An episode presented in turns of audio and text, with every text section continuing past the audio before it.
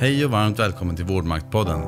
Jag heter Tobias Pärdal och jag intervjuar inflytelserika personer i sjukvården för att initiera, sprida och accelerera goda idéer. Det är så inspirerande att få ta del av hur samtalen i Vårdmaktpodden driver fram nya idéer och åsikter bland er som lyssnar, så fortsätt gärna att höra av er. I avsnitt 10 talar jag med Stefan Larsson, läkare och forskare som blev konsult på Boston Consulting Group, en av världens mest inflytelserika managementkonsultbolag, där han nu är senior partner och globalt ansvarig för sjukvård, men även för expertområdet värdebaserad vård. Stefan är initiativtagare till den fristående organisationen ICHOM, The International Consortium for Healthcare Outcome Measurement, tillsammans med professorer från både Karolinska Institutet och Harvard Business School.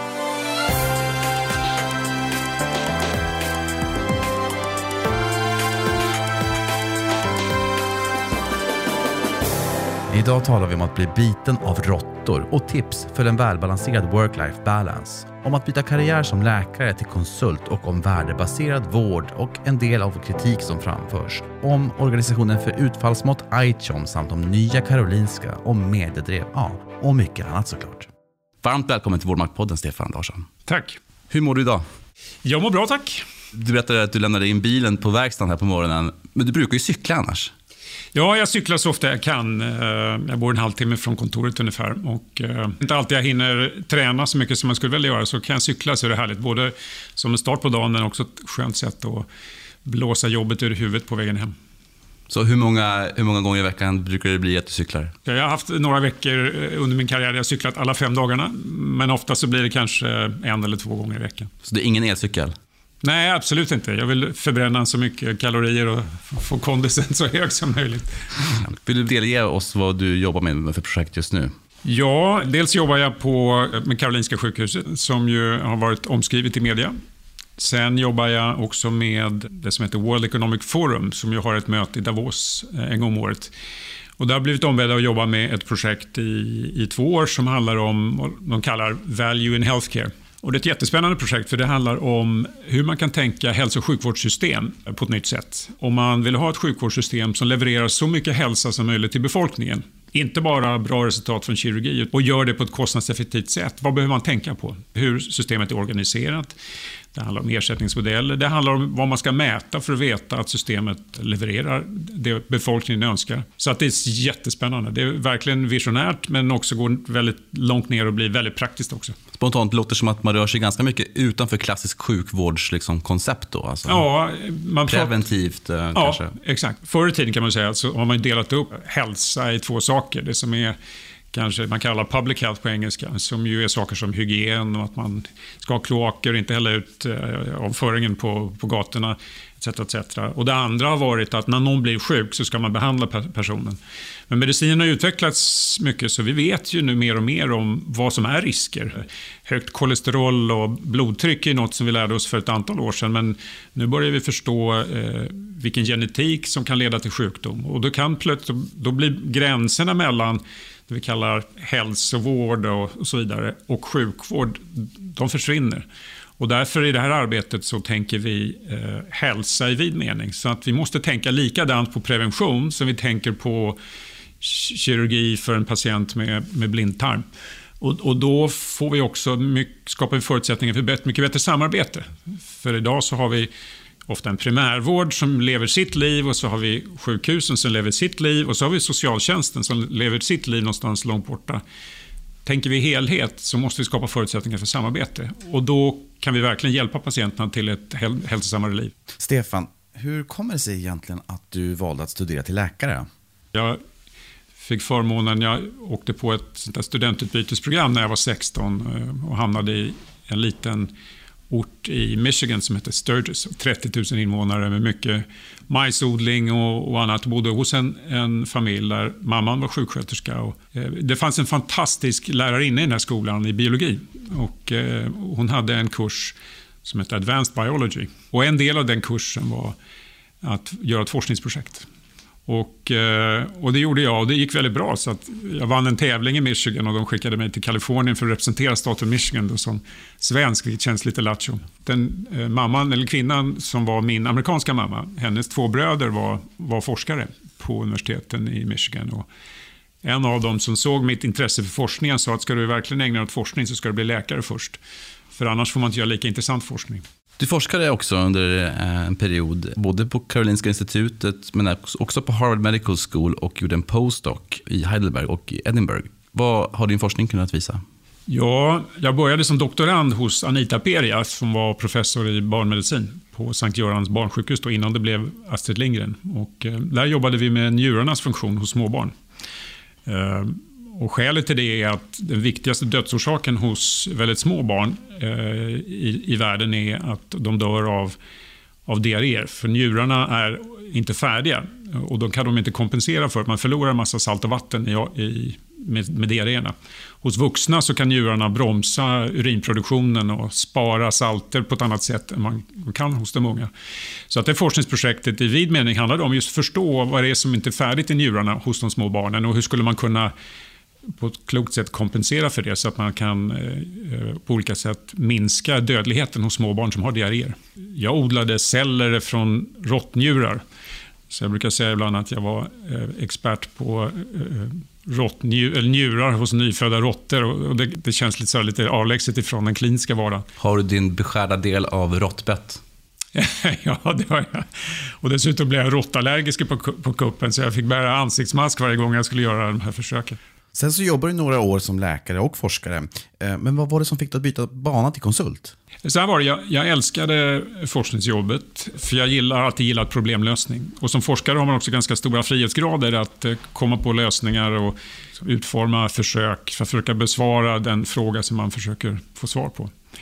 Men jag älskar också att jobba som läkare. Jag, gillar verkligen att jobba med människor. Att försöka inge förtroende, att ge stöd och, och hjälp. Sen hamnade jag i ett skede i, i livet, jag var 35 någonstans. Där väldigt många av mina mina äldre kollegor som var väldigt frustrerade. Och, eh, jag blev själv deprimerad och nedstämd av de, den cynism och de diskussioner som var i just den krets där jag befann mig då. Så att, eh, man var frustrerad över eh, ledningen, hur den fungerade. Man var frustrerad över att man på sin arbetsplats eh, inte fick hjälp med eh, personlig utveckling. Man hade inget, inget, inte ett ledarskap som eh, vinnlade sig om eh, kommunicera, att det fanns en tydlig strategi, att det fanns en tydlig målbild av vart man ville. Utan många arbetade eh, hårt eh, och väldigt, väldigt dedikerat men i ett sammanhang som, som jag tror där många saknade en, en målbild. Eh, varför gör vi så här?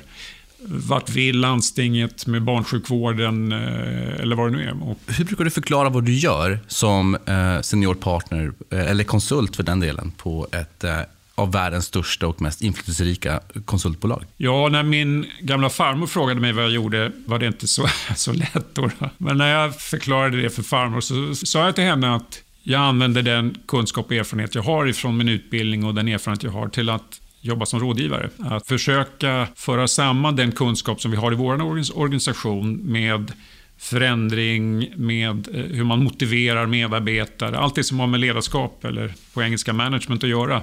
Och kombinera det med min medicinska och forskningserfarenhet. Att kunna bidra till eh, förbättring och förändring i den industrin. Vad får du mest utväxling av att jobba som konsult eller som rådgivare?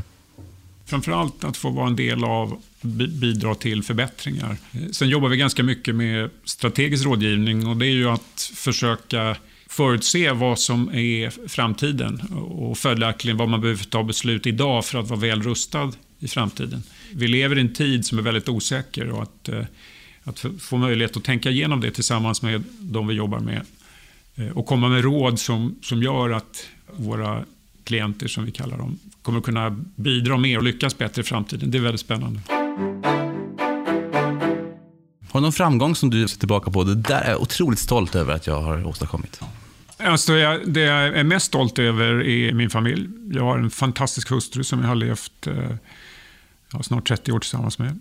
Och jag har två underbara barn som jag är, är stolt och lycklig över. Det som har, som har gjort mig mest inspirerad de senaste eh, tio åren är arbetet med, med värdebaserad vård. För jag har en övertygelse om att vi måste fokusera sjukvården mycket, mycket mer på hur det går för våra patienter. Hur skulle vi på, verkligen på riktigt kunna få till en sjukvård som är patientfokuserad? Så det har varit jättespännande. Jag kanske är stoltast över är, idén att starta den här internationella organisationen ICHOM. För tanken där var att om man mäter vårdkvalitet på samma sätt, inte bara i Sverige utan i andra länder, så skulle man kunna jämföra resultaten på ett sätt som gör att man kan hitta eh, den bästa vården, antingen det är Calcutta eller i Stockholm eller i Chicago. Och kan man göra det, då kan man lära sig mycket snabbare om vad som funkar och inte funkar. Och inte bara om ett läkemedel funkar eller inte, utan helt hur organisationen funkar. Har vi en bättre kompetens och så vidare. Och det förutsätter att man kan sätta en pinne i marken så man mäter samma sak. Och det där har fått en väldig fart, vilket är jättekul. Så nu är det flera hundra sjukhus runt om i världen som har börjat mäta på samma sätt. Och när de nu, och det pågår just nu, börjar jämföra sin data med varandra, då är det inte bara universitetssjukhusen som kommer diktera vad som är rätt och fel. Utan kan man duktiga pionjärer var som helst i sjukvårdssystemet kan vi hitta och lyfta fram som hjältar i ambitionen att förbättra sjukvården. Så det är väl kanske enskilt på jobbet det som jag har varit mest stolt över. ICHOM, the International Consortium for Healthcare Outcome Measurement, är ju en helt fristående och eh, icke vinstdrivande, alltså not for profit organisation som du har varit med och skapat. Men jag vet att du tillsammans med Michael Porter som är professor i strategi på Harvard Business School ni utgick ganska mycket från de svenska kvalitetsregistren som just mäter utfall för specifika patientgrupper. Eh, och därför tänkte jag, kan du berätta lite grann om er inspiration till iChom? Ja, alltså iChom grundades 2012. Det var en idé som vi hade som baserades på eh, kvalitetsregistrens arbete. Om man tittar på de svenska kvalitetsregistren så, så har de gjort en massa saker. Men, men det kanske allra viktigaste som de har gjort är att samla medarbetarna, de ledande företrädarna för kanske kardiologi eller gråstarrskirurgi och enas om vad är ett bra resultat för den här patientgruppen. Och när man har enats om det så börjar man ju mäta på samma sätt i hela landet. Så alla hjärtinfarktkliniker mätte sina resultat på samma sätt. Och så rapporterade man ner och så kunde man titta och jämföra och konstatera att vissa kliniker hade mycket bättre resultat än andra. Och då kunde man försöka lära sig av det. Den idén diskuterade Michael Porter och jag 2011. Och vi har båda varit övertygade om att sjukvården måste gå i riktning mot att fokusera mer på hur man kan förbättra resultaten för patienterna. Och då talade vi om bland annat de svenska kvalitetsregistren. Och då var tanken, tänk om Eh, man kunde få internationella standarder. Så att istället för 69 svenska sjukhus som mäter hjärtinfarktvårdens resultat på samma sätt så kanske man kunde ha 69 000 sjukhus runt om i världen som mätte på samma sätt. Och det spännande med det är att om vi kan hitta sjukhus i Sverige som har jättebra resultat för hjärtinfarktvården och man kan åka dit och lära sig förstå vad de gör. Hur, hur behandlar de sina patienter? Hur, hur, har de utbildat sin personal? Hur, hur jobbar personalen tillsammans? Vad är det som gör att det går så bra för dem? Hade man 69 000 sjukhus runt om i världen så kanske man hittar en klinik i, i, i Calcutta och, och någon i Sydafrika och, och någon i Borås som har jättebra resultat.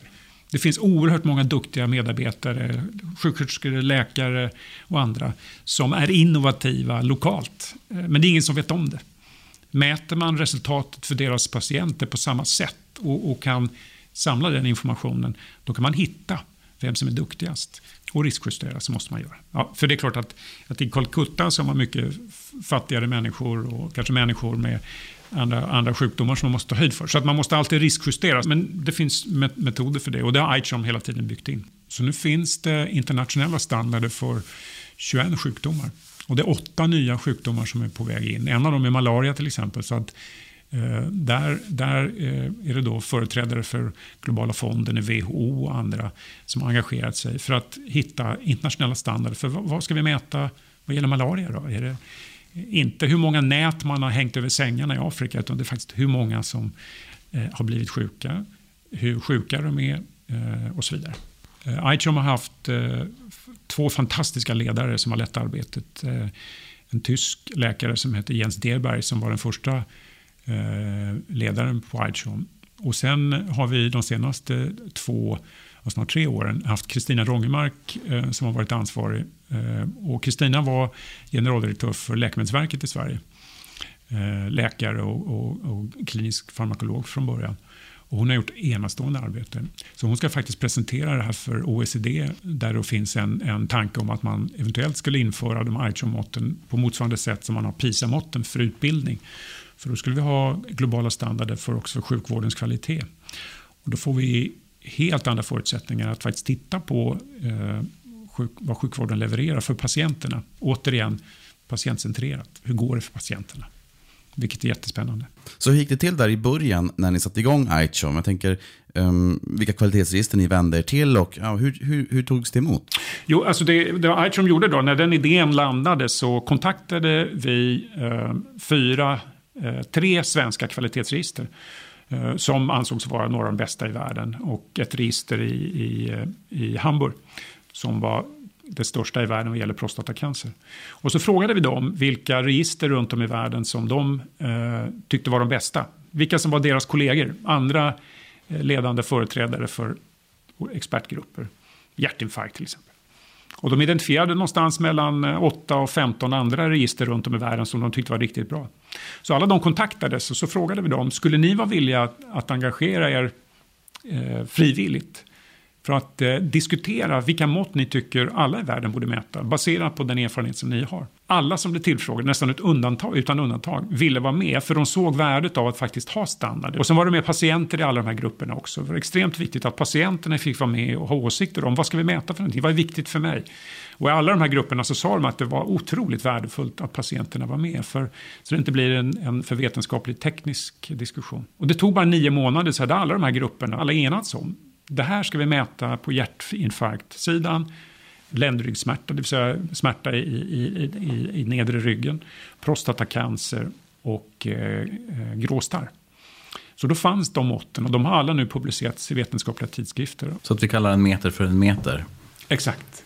Precis. I hela världen? Ja, just det. För svenska kvalitetsregistren har bidragit med några av de viktigaste vetenskapliga upptäckterna eh, i Sverige i klinisk forskning.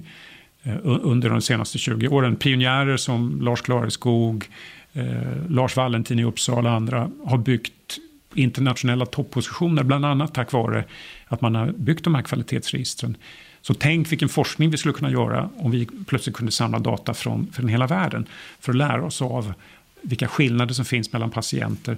Då skulle vi kunna bli mycket bättre på att diagnostisera sjukdomar men också hitta vad som verkar funka. Eh, så att det finns en fantastisk möjlighet att driva förbättringsarbete i sjukvården genom att faktiskt ha de här internationella standarderna. Hur är work-life balance som partner på ett stort eh, konsultbolag? Det är väl det som är det här jobbets baksida. Jag jobbar mycket, men återigen, eh, min hustru skulle säga att det hade du gjort om du hade varit någon annanstans också. Hur får du livet att gå ihop? Har du några tips som du vill dela med dig av?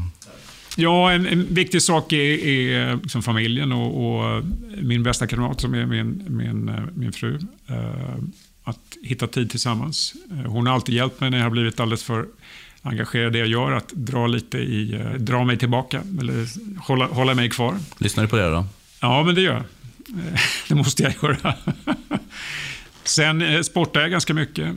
Det har varit kritiskt för mig alla år från studietiden och, och så faktiskt från just det året i, när jag var 16 i Michigan. Det var då jag började träna ganska mycket. Stefan, inför framtiden, vilka huvudsakliga utmaningar ser du eh, för svensk sjukvård? Det är ju så att, att eh, kostnadsutvecklingen för sjukvården har ju under en lång rad år varit sån att sjukvårdskostnaderna växer snabbare än eh, BNP eller de, den samlade produktion, produktionen i samhället. Det vill säga en större och större del av varor och tjänster i Sverige går till sjukvård. Sverige har varit ganska bra på att hålla det tillbaka, men tittar man i alla eh, länder, inklusive utvecklingsländerna, så växer sjukvårdskostnaden snabbare än, än bruttonationalprodukten. Och det är en, en, en huvudutmaning då, för klart att drar man ut den linjen långt, så någonstans så går inte det där ihop, utan vi måste få en sjukvård där där vi har en balans mellan kostnadsutvecklingen och, och, och, och, den totala mängden resurser som finns i samhället. Men den andra utmaningen är just det faktum att kostnadsutvecklingen har gjort att vi har fokuserat på kostnader. Och, det har gjort att när vi har försökt att få bukt med det här så har man jobbat väldigt mycket med effektivitetsfrågor i fokus. Det vill säga hur många läkarbesök Eh, Eh, hur många patientbesök får en läkare per dag? Hur många medarbetare har man per säng på ett sjukhus? Och så vidare. Och det ger en väldigt ensidig syn av vad sjukvården handlar om.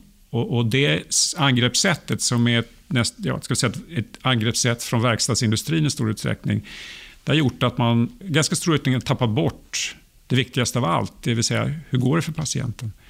För ibland är det så att det kanske är effektivare att ha fler resurser någonstans för att få bra resultat, så inte patienten behöver komma tillbaka igen. Hur ser du på att vi har en så pass uttalad vårdplatsbrist i Sverige? Det är ett sånt här klassiskt processmått. Eh, det viktiga är hur går det för våra patienter? Och går det väldigt bra för våra patienter och vi har få vårdplatser, ja då gör vi något väldigt bra. För då har vi låga kostnader till hög, hög kvalitet, eller hög kvalitet till låga kostnader. Tittar vi på många patientgrupper i Sverige så har vi väldigt, väldigt bra resultat. Tittar man på hjärtinfarkt i Sverige så är dödligheten i Sverige eh, 30 mindre än vad den är i Storbritannien till exempel. Eh, ändå så är vårdtiden i Sverige kortare än vad den är i Storbritannien. Vi har organiserat hjärtsjukvården på ett jättebra sätt. Eh, I tidningarna så står det ju nästan dagligen att det är ganska uttalad sjuksköterskebrist eh, på sjukhusen och det i sin tur driver ner vårdplatstillgängligheten. Vad är dina tankar om att det finns sjuksköterskor som inte vill jobba på i sjukhusen?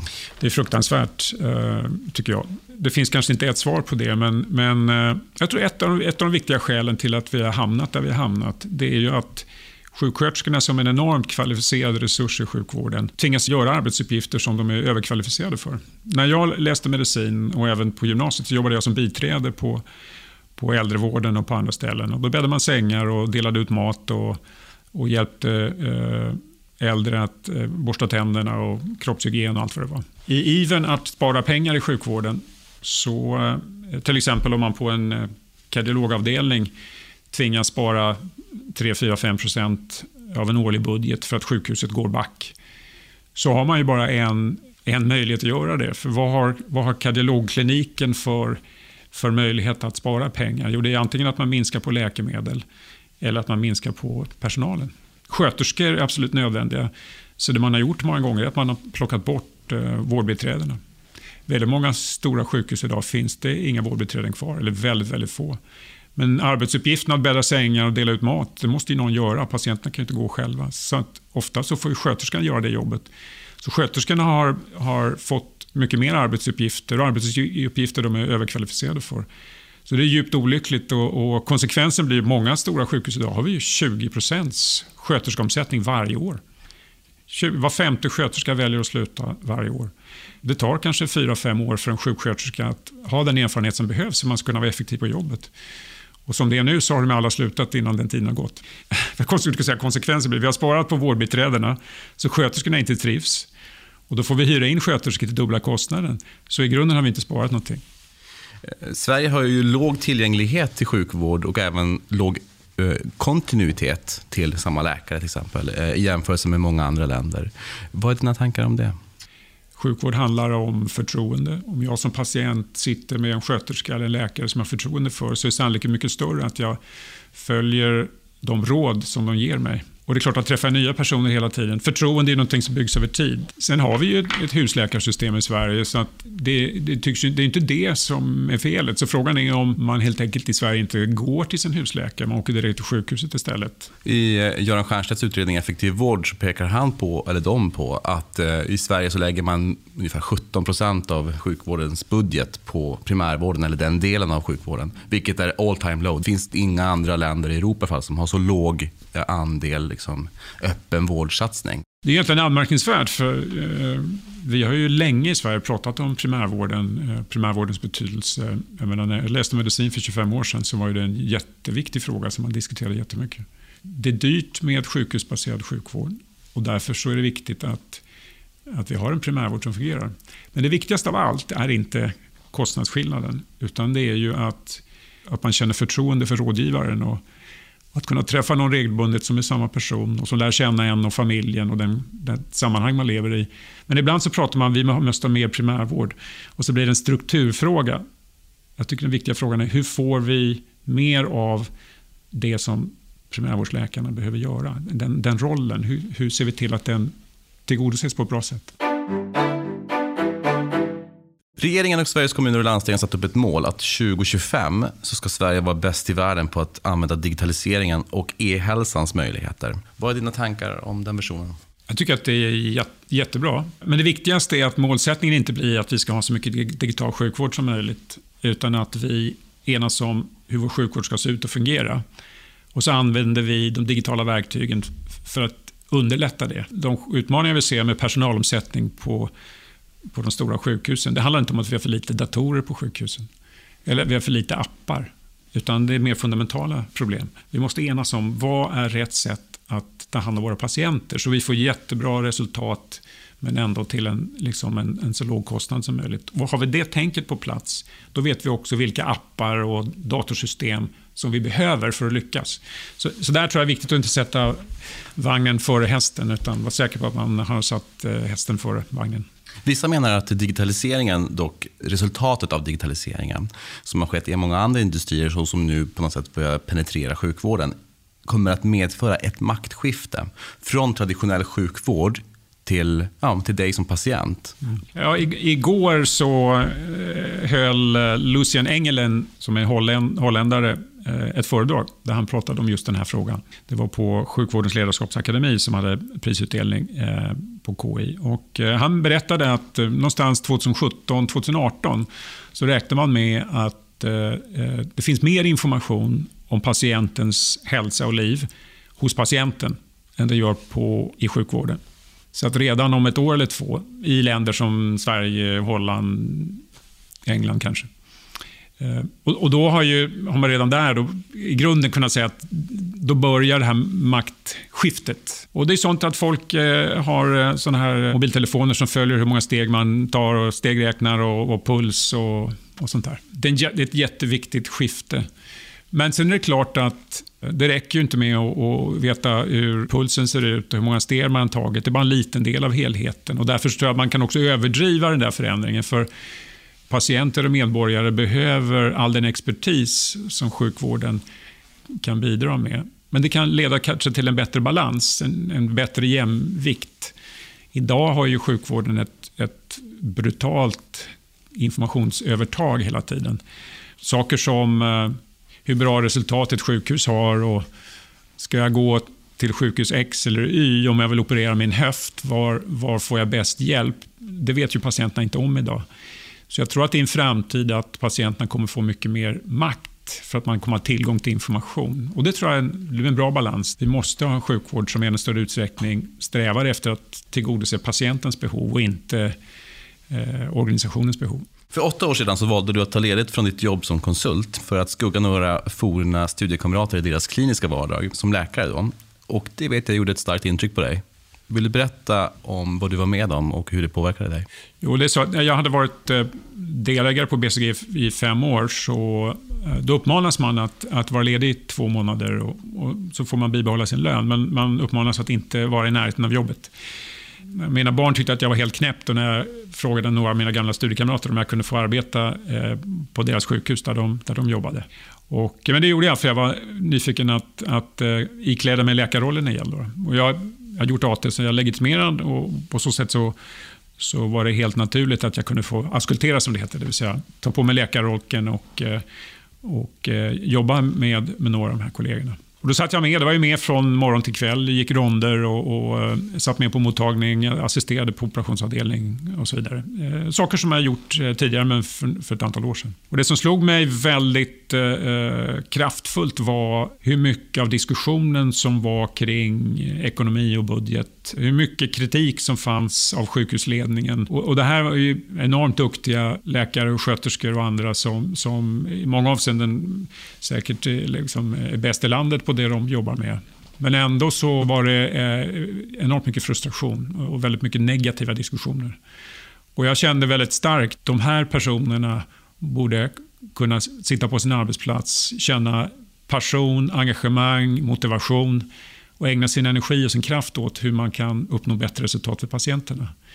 Jag hade en annan händelse under den här ledigheten. Det var en god vän till mig som också läkarkamrat som, som doktorerade. Han hade skrivit sin doktorsavhandling. Och, eh, han hade jobbat med eh, cancer i ändtarmen. Det var hans forskningsområde. Och då hade han jobbat med något som, som heter kvalitetsregister, som jag nämnt tidigare. Det eh, finns ett kvalitetsregister för just ändtarmscancer, Det kallas kolorektal cancer.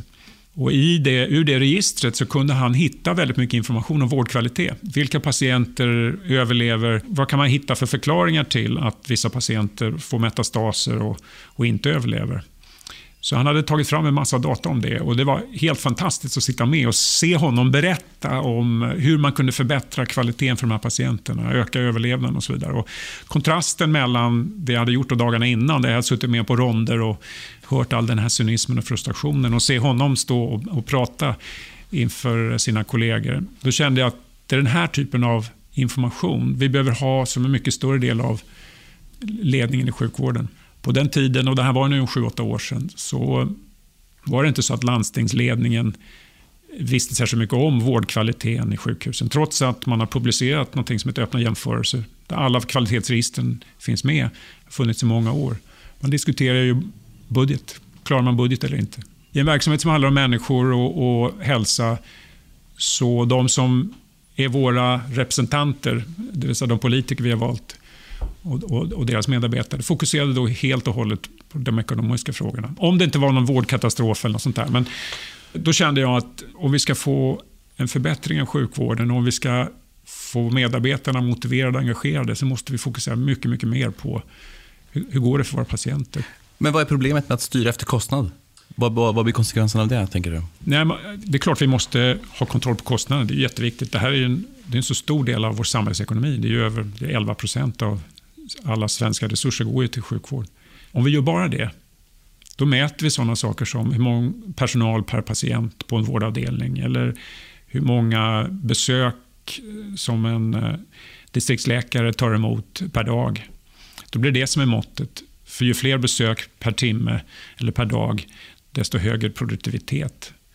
Men om man glömmer att de här patienterna man ska träffa ska ha förstått det man säger, ska ta den medicin de fick, ska känna sig trygga så att de vågar gå till jobbet nästa dag. Har man inte med det i kalkylen, ja, då kommer de tillbaka. Då blir det visserligen många besök, men det blir inte någon bra sjukvård. Just det. Det finns, en, det finns någon studie som visar på att av de mediciner som skrivs ut så är det en tredjedel som faktiskt åker ner i, i magen. En tredjedel tas inte ut, en tredjedel eh, tas ut, men man tar den inte. Om man, om man utgår från att de här recepten är korrekta, att folk har fått, fått recept på det de behöver, så är det ju tragiskt. För då är det två tredjedelar som faktiskt inte får den hjälp som de behöver.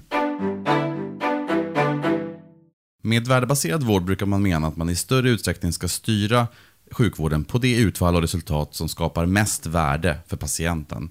Vilket känns intuitivt rätt. Och Det skiljer sig då från hur man historiskt sett har styrt sjukvården på kostnader. Men hur skulle du beskriva vad värdebaserad vård är för någon som inte känner till begreppet? Utgångspunkten är att vi har ett sjukvårdssystem för att förbättra hälsan så mycket som möjligt för medborgarna. Och, eh, sjukvårdssystemet är organiserat i olika delar. Vi har en massa olika experter som har djup kompetens på olika områden. Och Sen har vi organiserat det så att vi har öppenvård, primärvård och sen har vi sjukhusvård och ibland någonting mittemellan. Läkemedelsbolag och medtechbolag. Alla, alla de där är ett ekosystem som, som på olika sätt eh, försöker samverka med varandra.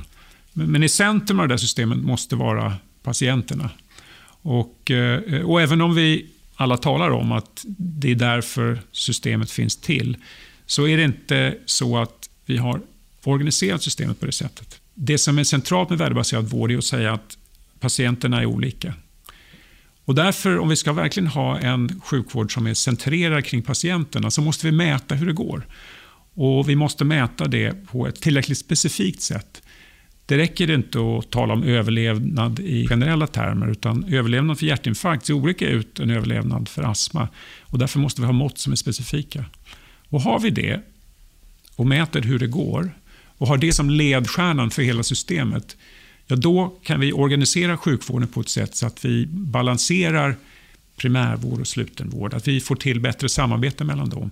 Så begreppet värde, så som det används, det är väldigt specifikt. Vi måste tänka patientgrupper. För var och en av patientgrupperna behöver enas om vad tycker patienterna är viktigast att uppnå när man har gått igenom sjukvårdens resa. Vi måste tänka hur det gick för patienterna och vi måste jämföra det med hur mycket pengar vi spenderar.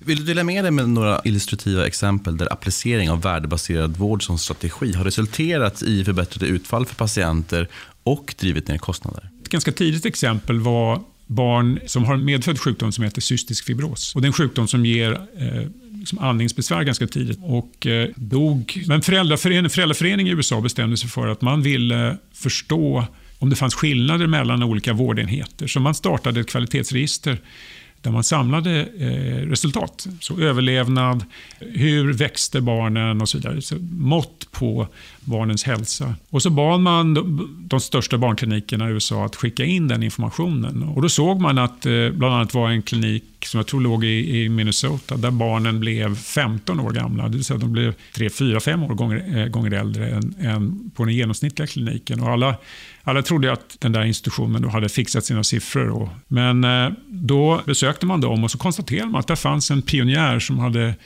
eh, förstått att man skulle ge barnen andningsgymnastik eh, och hjälpa dem att banka dem på lungorna så slemmet som de hade lossnade och de kunde hosta upp det. Och de fick sova under tält med luftfuktare så att de sov i en, en, en fuktad miljö. De hade ju kommit på någonting som de andra inte hade kommit på. Så de andra sjukhusen började göra samma sak. Och så förbättrades genomsnittsåldern. Och gradvis genom att mäta och dela med sig av den här datan så lärde sig de här sjukhusen av varandra. Idag så tror jag genomsnittsåldern ligger närmare 40 år. Eh, och ett av de vackra kvalitetsmåtten som man har börjat använda för barn med cystisk fibros, eller nu vuxna med cystisk fibros, är huruvida de har bestämt sig för att skaffa egna barn. Eh, för när de har fått förtroende för sin sjukdom och känner att de har kontroll på den, då känner de också att de vågar sätta egna barn till världen som riskerar att ha samma sjukdom. De där resultaten har sedan spritt sig i hela världen. Så nu är de här rutinerna som delvis växte fram ur det här arbetet rutiner i hela världen. Så det är ett exempel. Ett annat exempel är Kaiser Permanente. Det var en organisation som i många, många, många år har beskrivits som en rätt udda organisation i USA. För just försäkringsbolaget och vårdbolaget är en och samma organisation. Så de har en, gemensamma, en gemensam målbild. Den grundades för, för att säkra att man hade friska varvsarbetare i den amerikanska varvsindustrin. Det fanns väldigt mycket varv på, i Kalifornien på den tiden.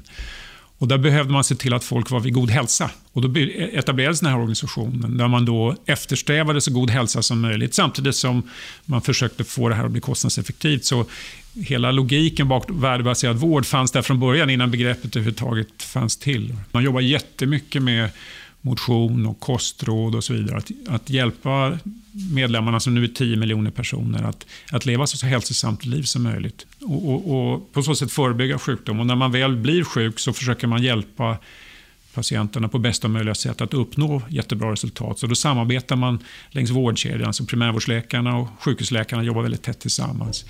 Jag tror fem av deras sjukhus rankas bland de tio bästa i USA. Och, och, köper man deras hälsoförsäkring så kostar den 20% mindre eller 17% mindre än andra. Så man betalar mindre och man får bättre hälsa. Som är en fantastisk... Så de är ofta ett, ett exempel som används. Men det finns väldigt bra exempel i, i Sverige också. Kardiologerna i Uppsala med, med eh, Lars Valentin som pionjär.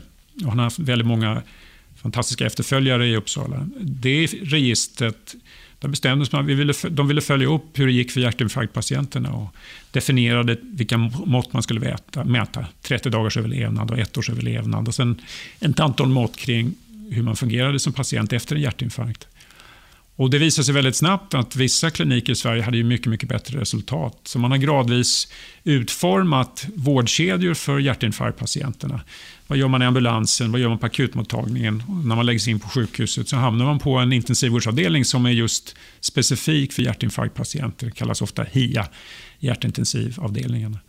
Så där har man organiserat sig kring patientgruppen eh, inom ramen för den vanliga organisationen. Men man har byggt lite av en hybrid där man har ett, ett team som jobbar med just den patientgruppen.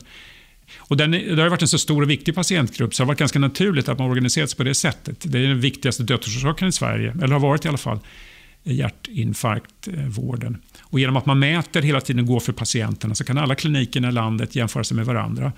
Och Då ser man ju vilka som har anammat rätt metoder och, och har personal med rätt kvalifikationer. Och Det är ett viktigt skäl till att Sverige har en av de bästa resultaten i världen för hjärtinfarktvård. Eh, som jag nämnde tidigare så har vi 34% högre dödlighet i Storbritannien än vad vi har i Sverige.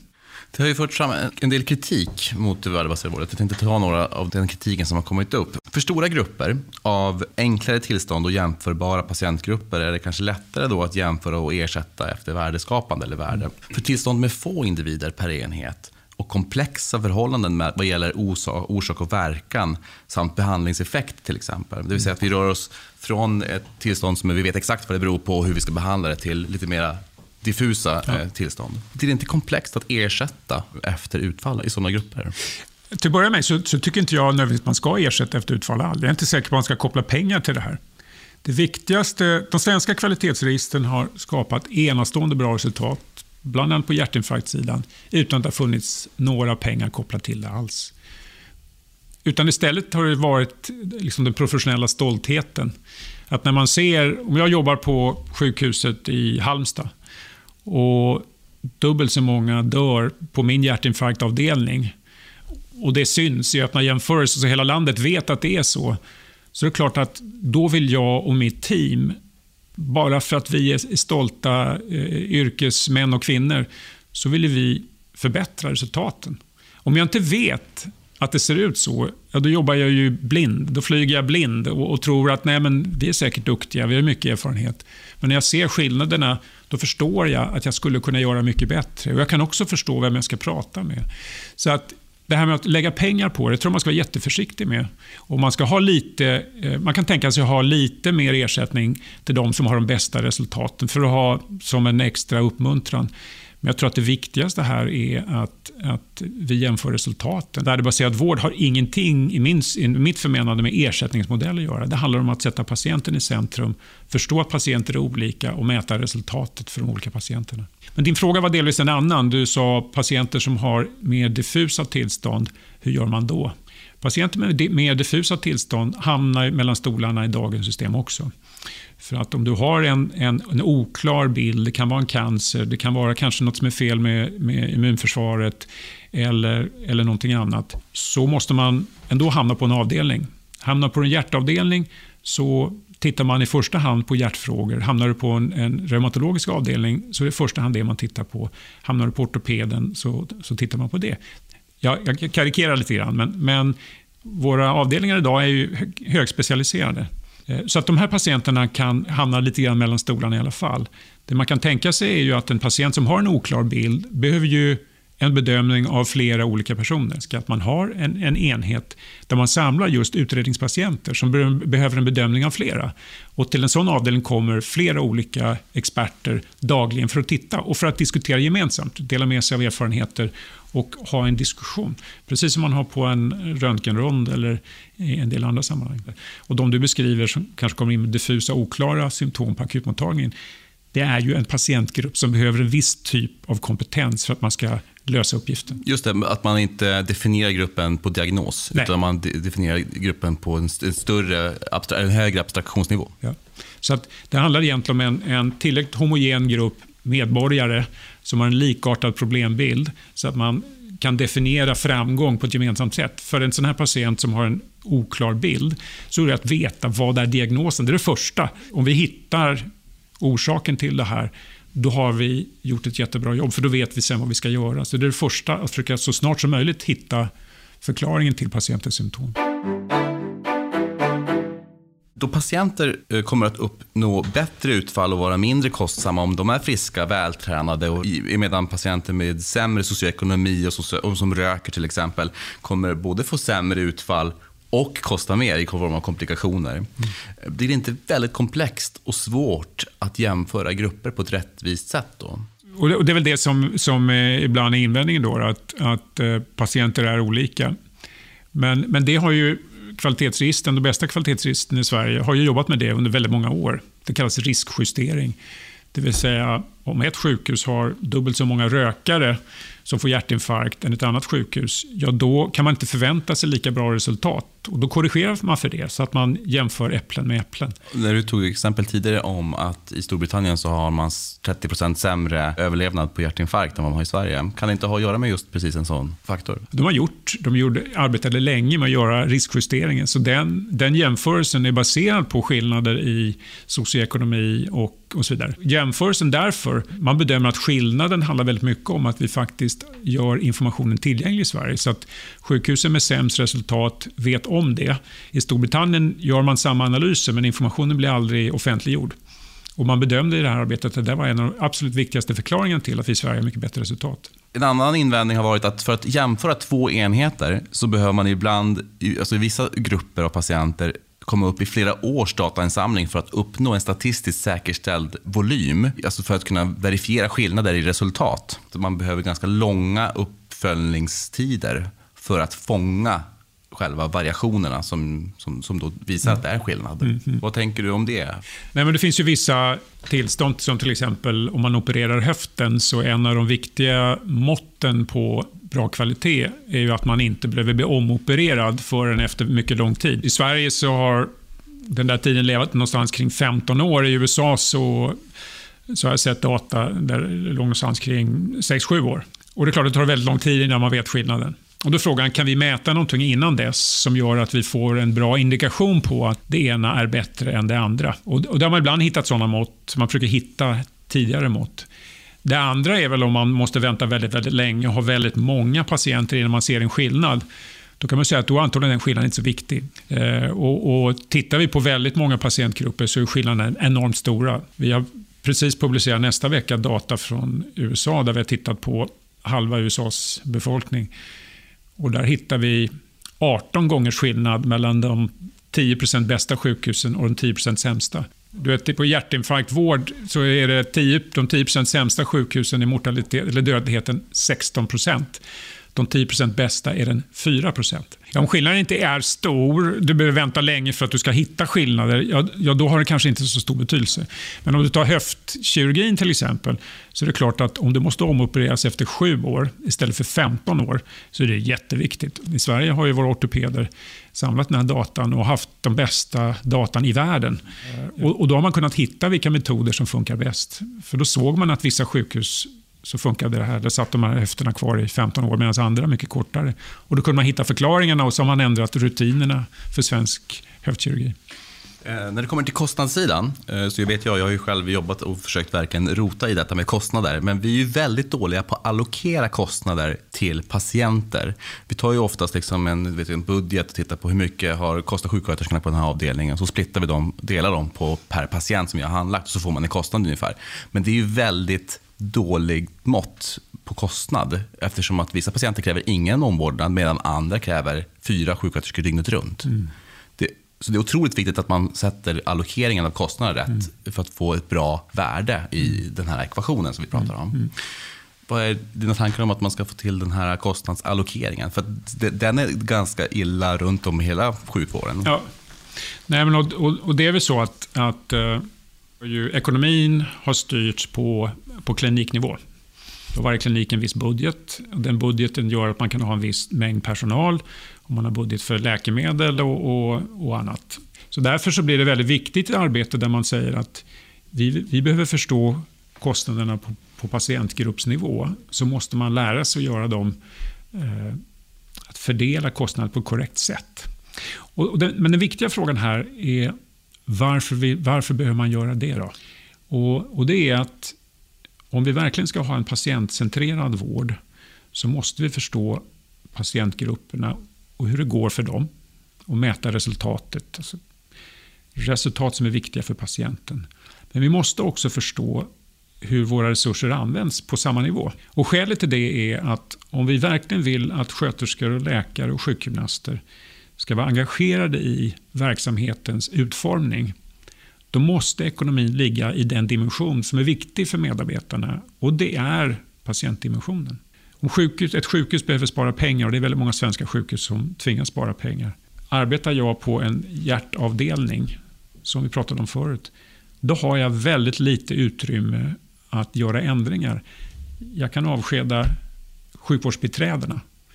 Men om jag vill ändra röntgenbehandlingarna eller jag kanske vill att man ska handlägga patienten på ett annat sätt på akutavdelningen så är det inte min budget. Där kan inte jag spara pengar, då är det någon annan som sparar pengar. Då har inte jag sparat de pengar jag vill bespara. Och Jag tror att det är extremt viktigt, det är ett av de viktigaste skälen till att jag tror att värdebaserad vård som arbetssätt eh, kommer kunna revolutionera sjukvården. Det är att medarbetarna ges ansvar att bidra till till verksamheten på ett annat sätt. Man får tillgång till information man kan använda sig av Förstår man ekonomin, då kan man också förstå hur man gemensamt kan utveckla vården så att man inte bara får bättre resultat utan faktiskt också kan göra det på ett kostnadseffektivt sätt. Idag har inte medarbetarna det verktyget. Den senaste tiden så har det varit en del mediainslag om eh, BCG och Karolinska Universitetssjukhuset. Eh, vad gäller dels ja, konsultkostnader och dels värdebaserad vård. Finns det något som du känner att du skulle vilja föra fram? Till att börja med så är det viktigt att ha en mediedebatt om hur vi använder våra skattepengar. Helt centralt. Grävande journalistik är en extremt viktig del av en demokrati. Så att jag välkomnar det och det var också därför som jag var engagerad och deltog i det här reportaget. Eh, sen kan vi säga att, att eh, det är också viktigt att, att man försöker beskriva eh, verkligheten och, och inte har en förvinklad bild av det. Det som görs på Karolinska är ett under, under Melvins ledning och ledningsgruppens ledning är ett verkligt pionjärarbete för att försöka sätta patienten i centrum på ett annat sätt eh, än vad man har kunnat göra förut. Det är en ganska radikal förändring eh, som man försöker göra för att verkligen lyfta eh, resultaten på Karolinska.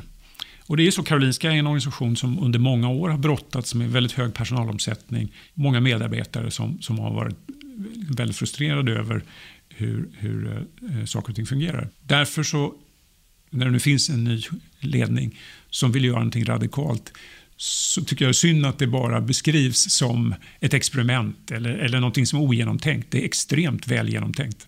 Eh, det finns en oerhört tydlig vision som, som Elvin beskrev för mig första gången jag träffade honom.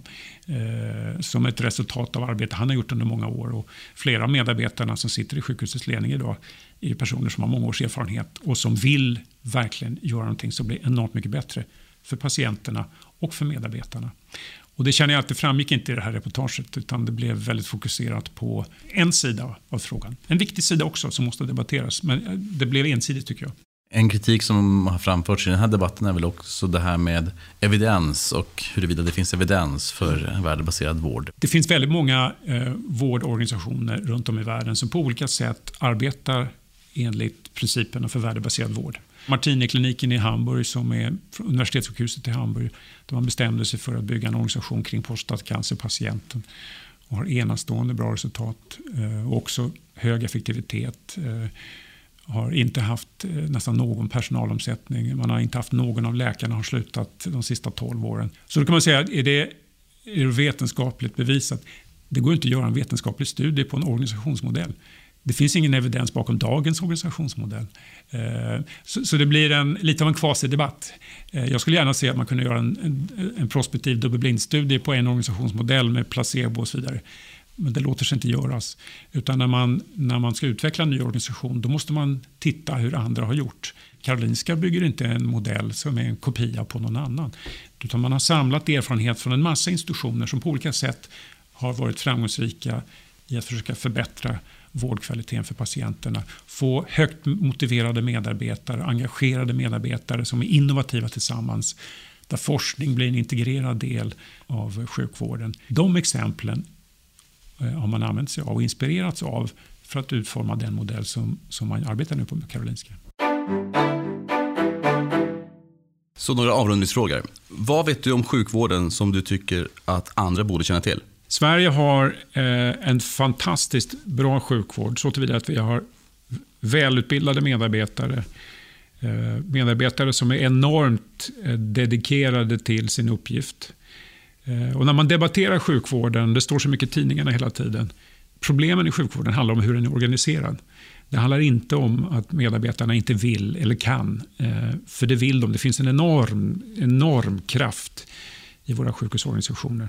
Eh, när blev du senast förvånad över något inom sjukvården? Jag är inte förvånad, men jag blev inspirerad. kan jag säga. Eh, igår då träffade jag en gammal kurskamrat till mig som, eh, eh, Eh, som heter Peter Graf, som tidigare var, var eh, chef på barnkliniken. Han berättade för mig vad som hände under tsunamin. Hur personal som inte, inte arbetade kom in till sjukhuset för att hjälpa till. Plötsligt hade man ju väldigt mycket mer patienter än man egentligen hade plats för. Och klarade en enastående utmanande situation. Väldigt mycket genom den eh, hängivenhet medarbetarna hade för, för liksom sin uppgift. Och Det finns än idag, det var det som, som jag tyckte var intressant, en knapp på sjukhuset som heter Tsunami-knappen. Så när det är väldigt mycket att göra, då samlar man hela teamet och så säger man okej, okay, så här ser det ut, vad gör vi nu? Finns det någon sjukvårdsinnovation som du själv saknar?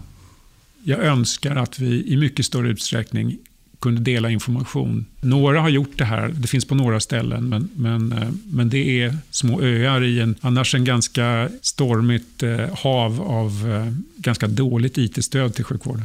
Vem tycker du ska vara med i Vårdmaktpodden? En person är Staffan Lindblad som har jobbat med varit fantastiskt pionjärarbete i, i gäller kvalitetsregister. Hur kan man nå dig om man vill veta mer om värdebaserad vård till exempel? Det finns på vår hemsida något som jag tror vi kallar Institute for Value-Based Healthcare. Och där finns det en massa rapporter. Det finns säkert 20-30-tal rapporter som vi har skrivit genom åren. Eh, är det något som du hade önskat eller tänkt att prata om idag som vi inte har berört? Nej, jag tycker vi har pratat eh, många frågor som ligger mig varmt om hjärtat. Tack så mycket för att du varit med i Vårdmaktpodden, Stefan Larsson. Tack själv.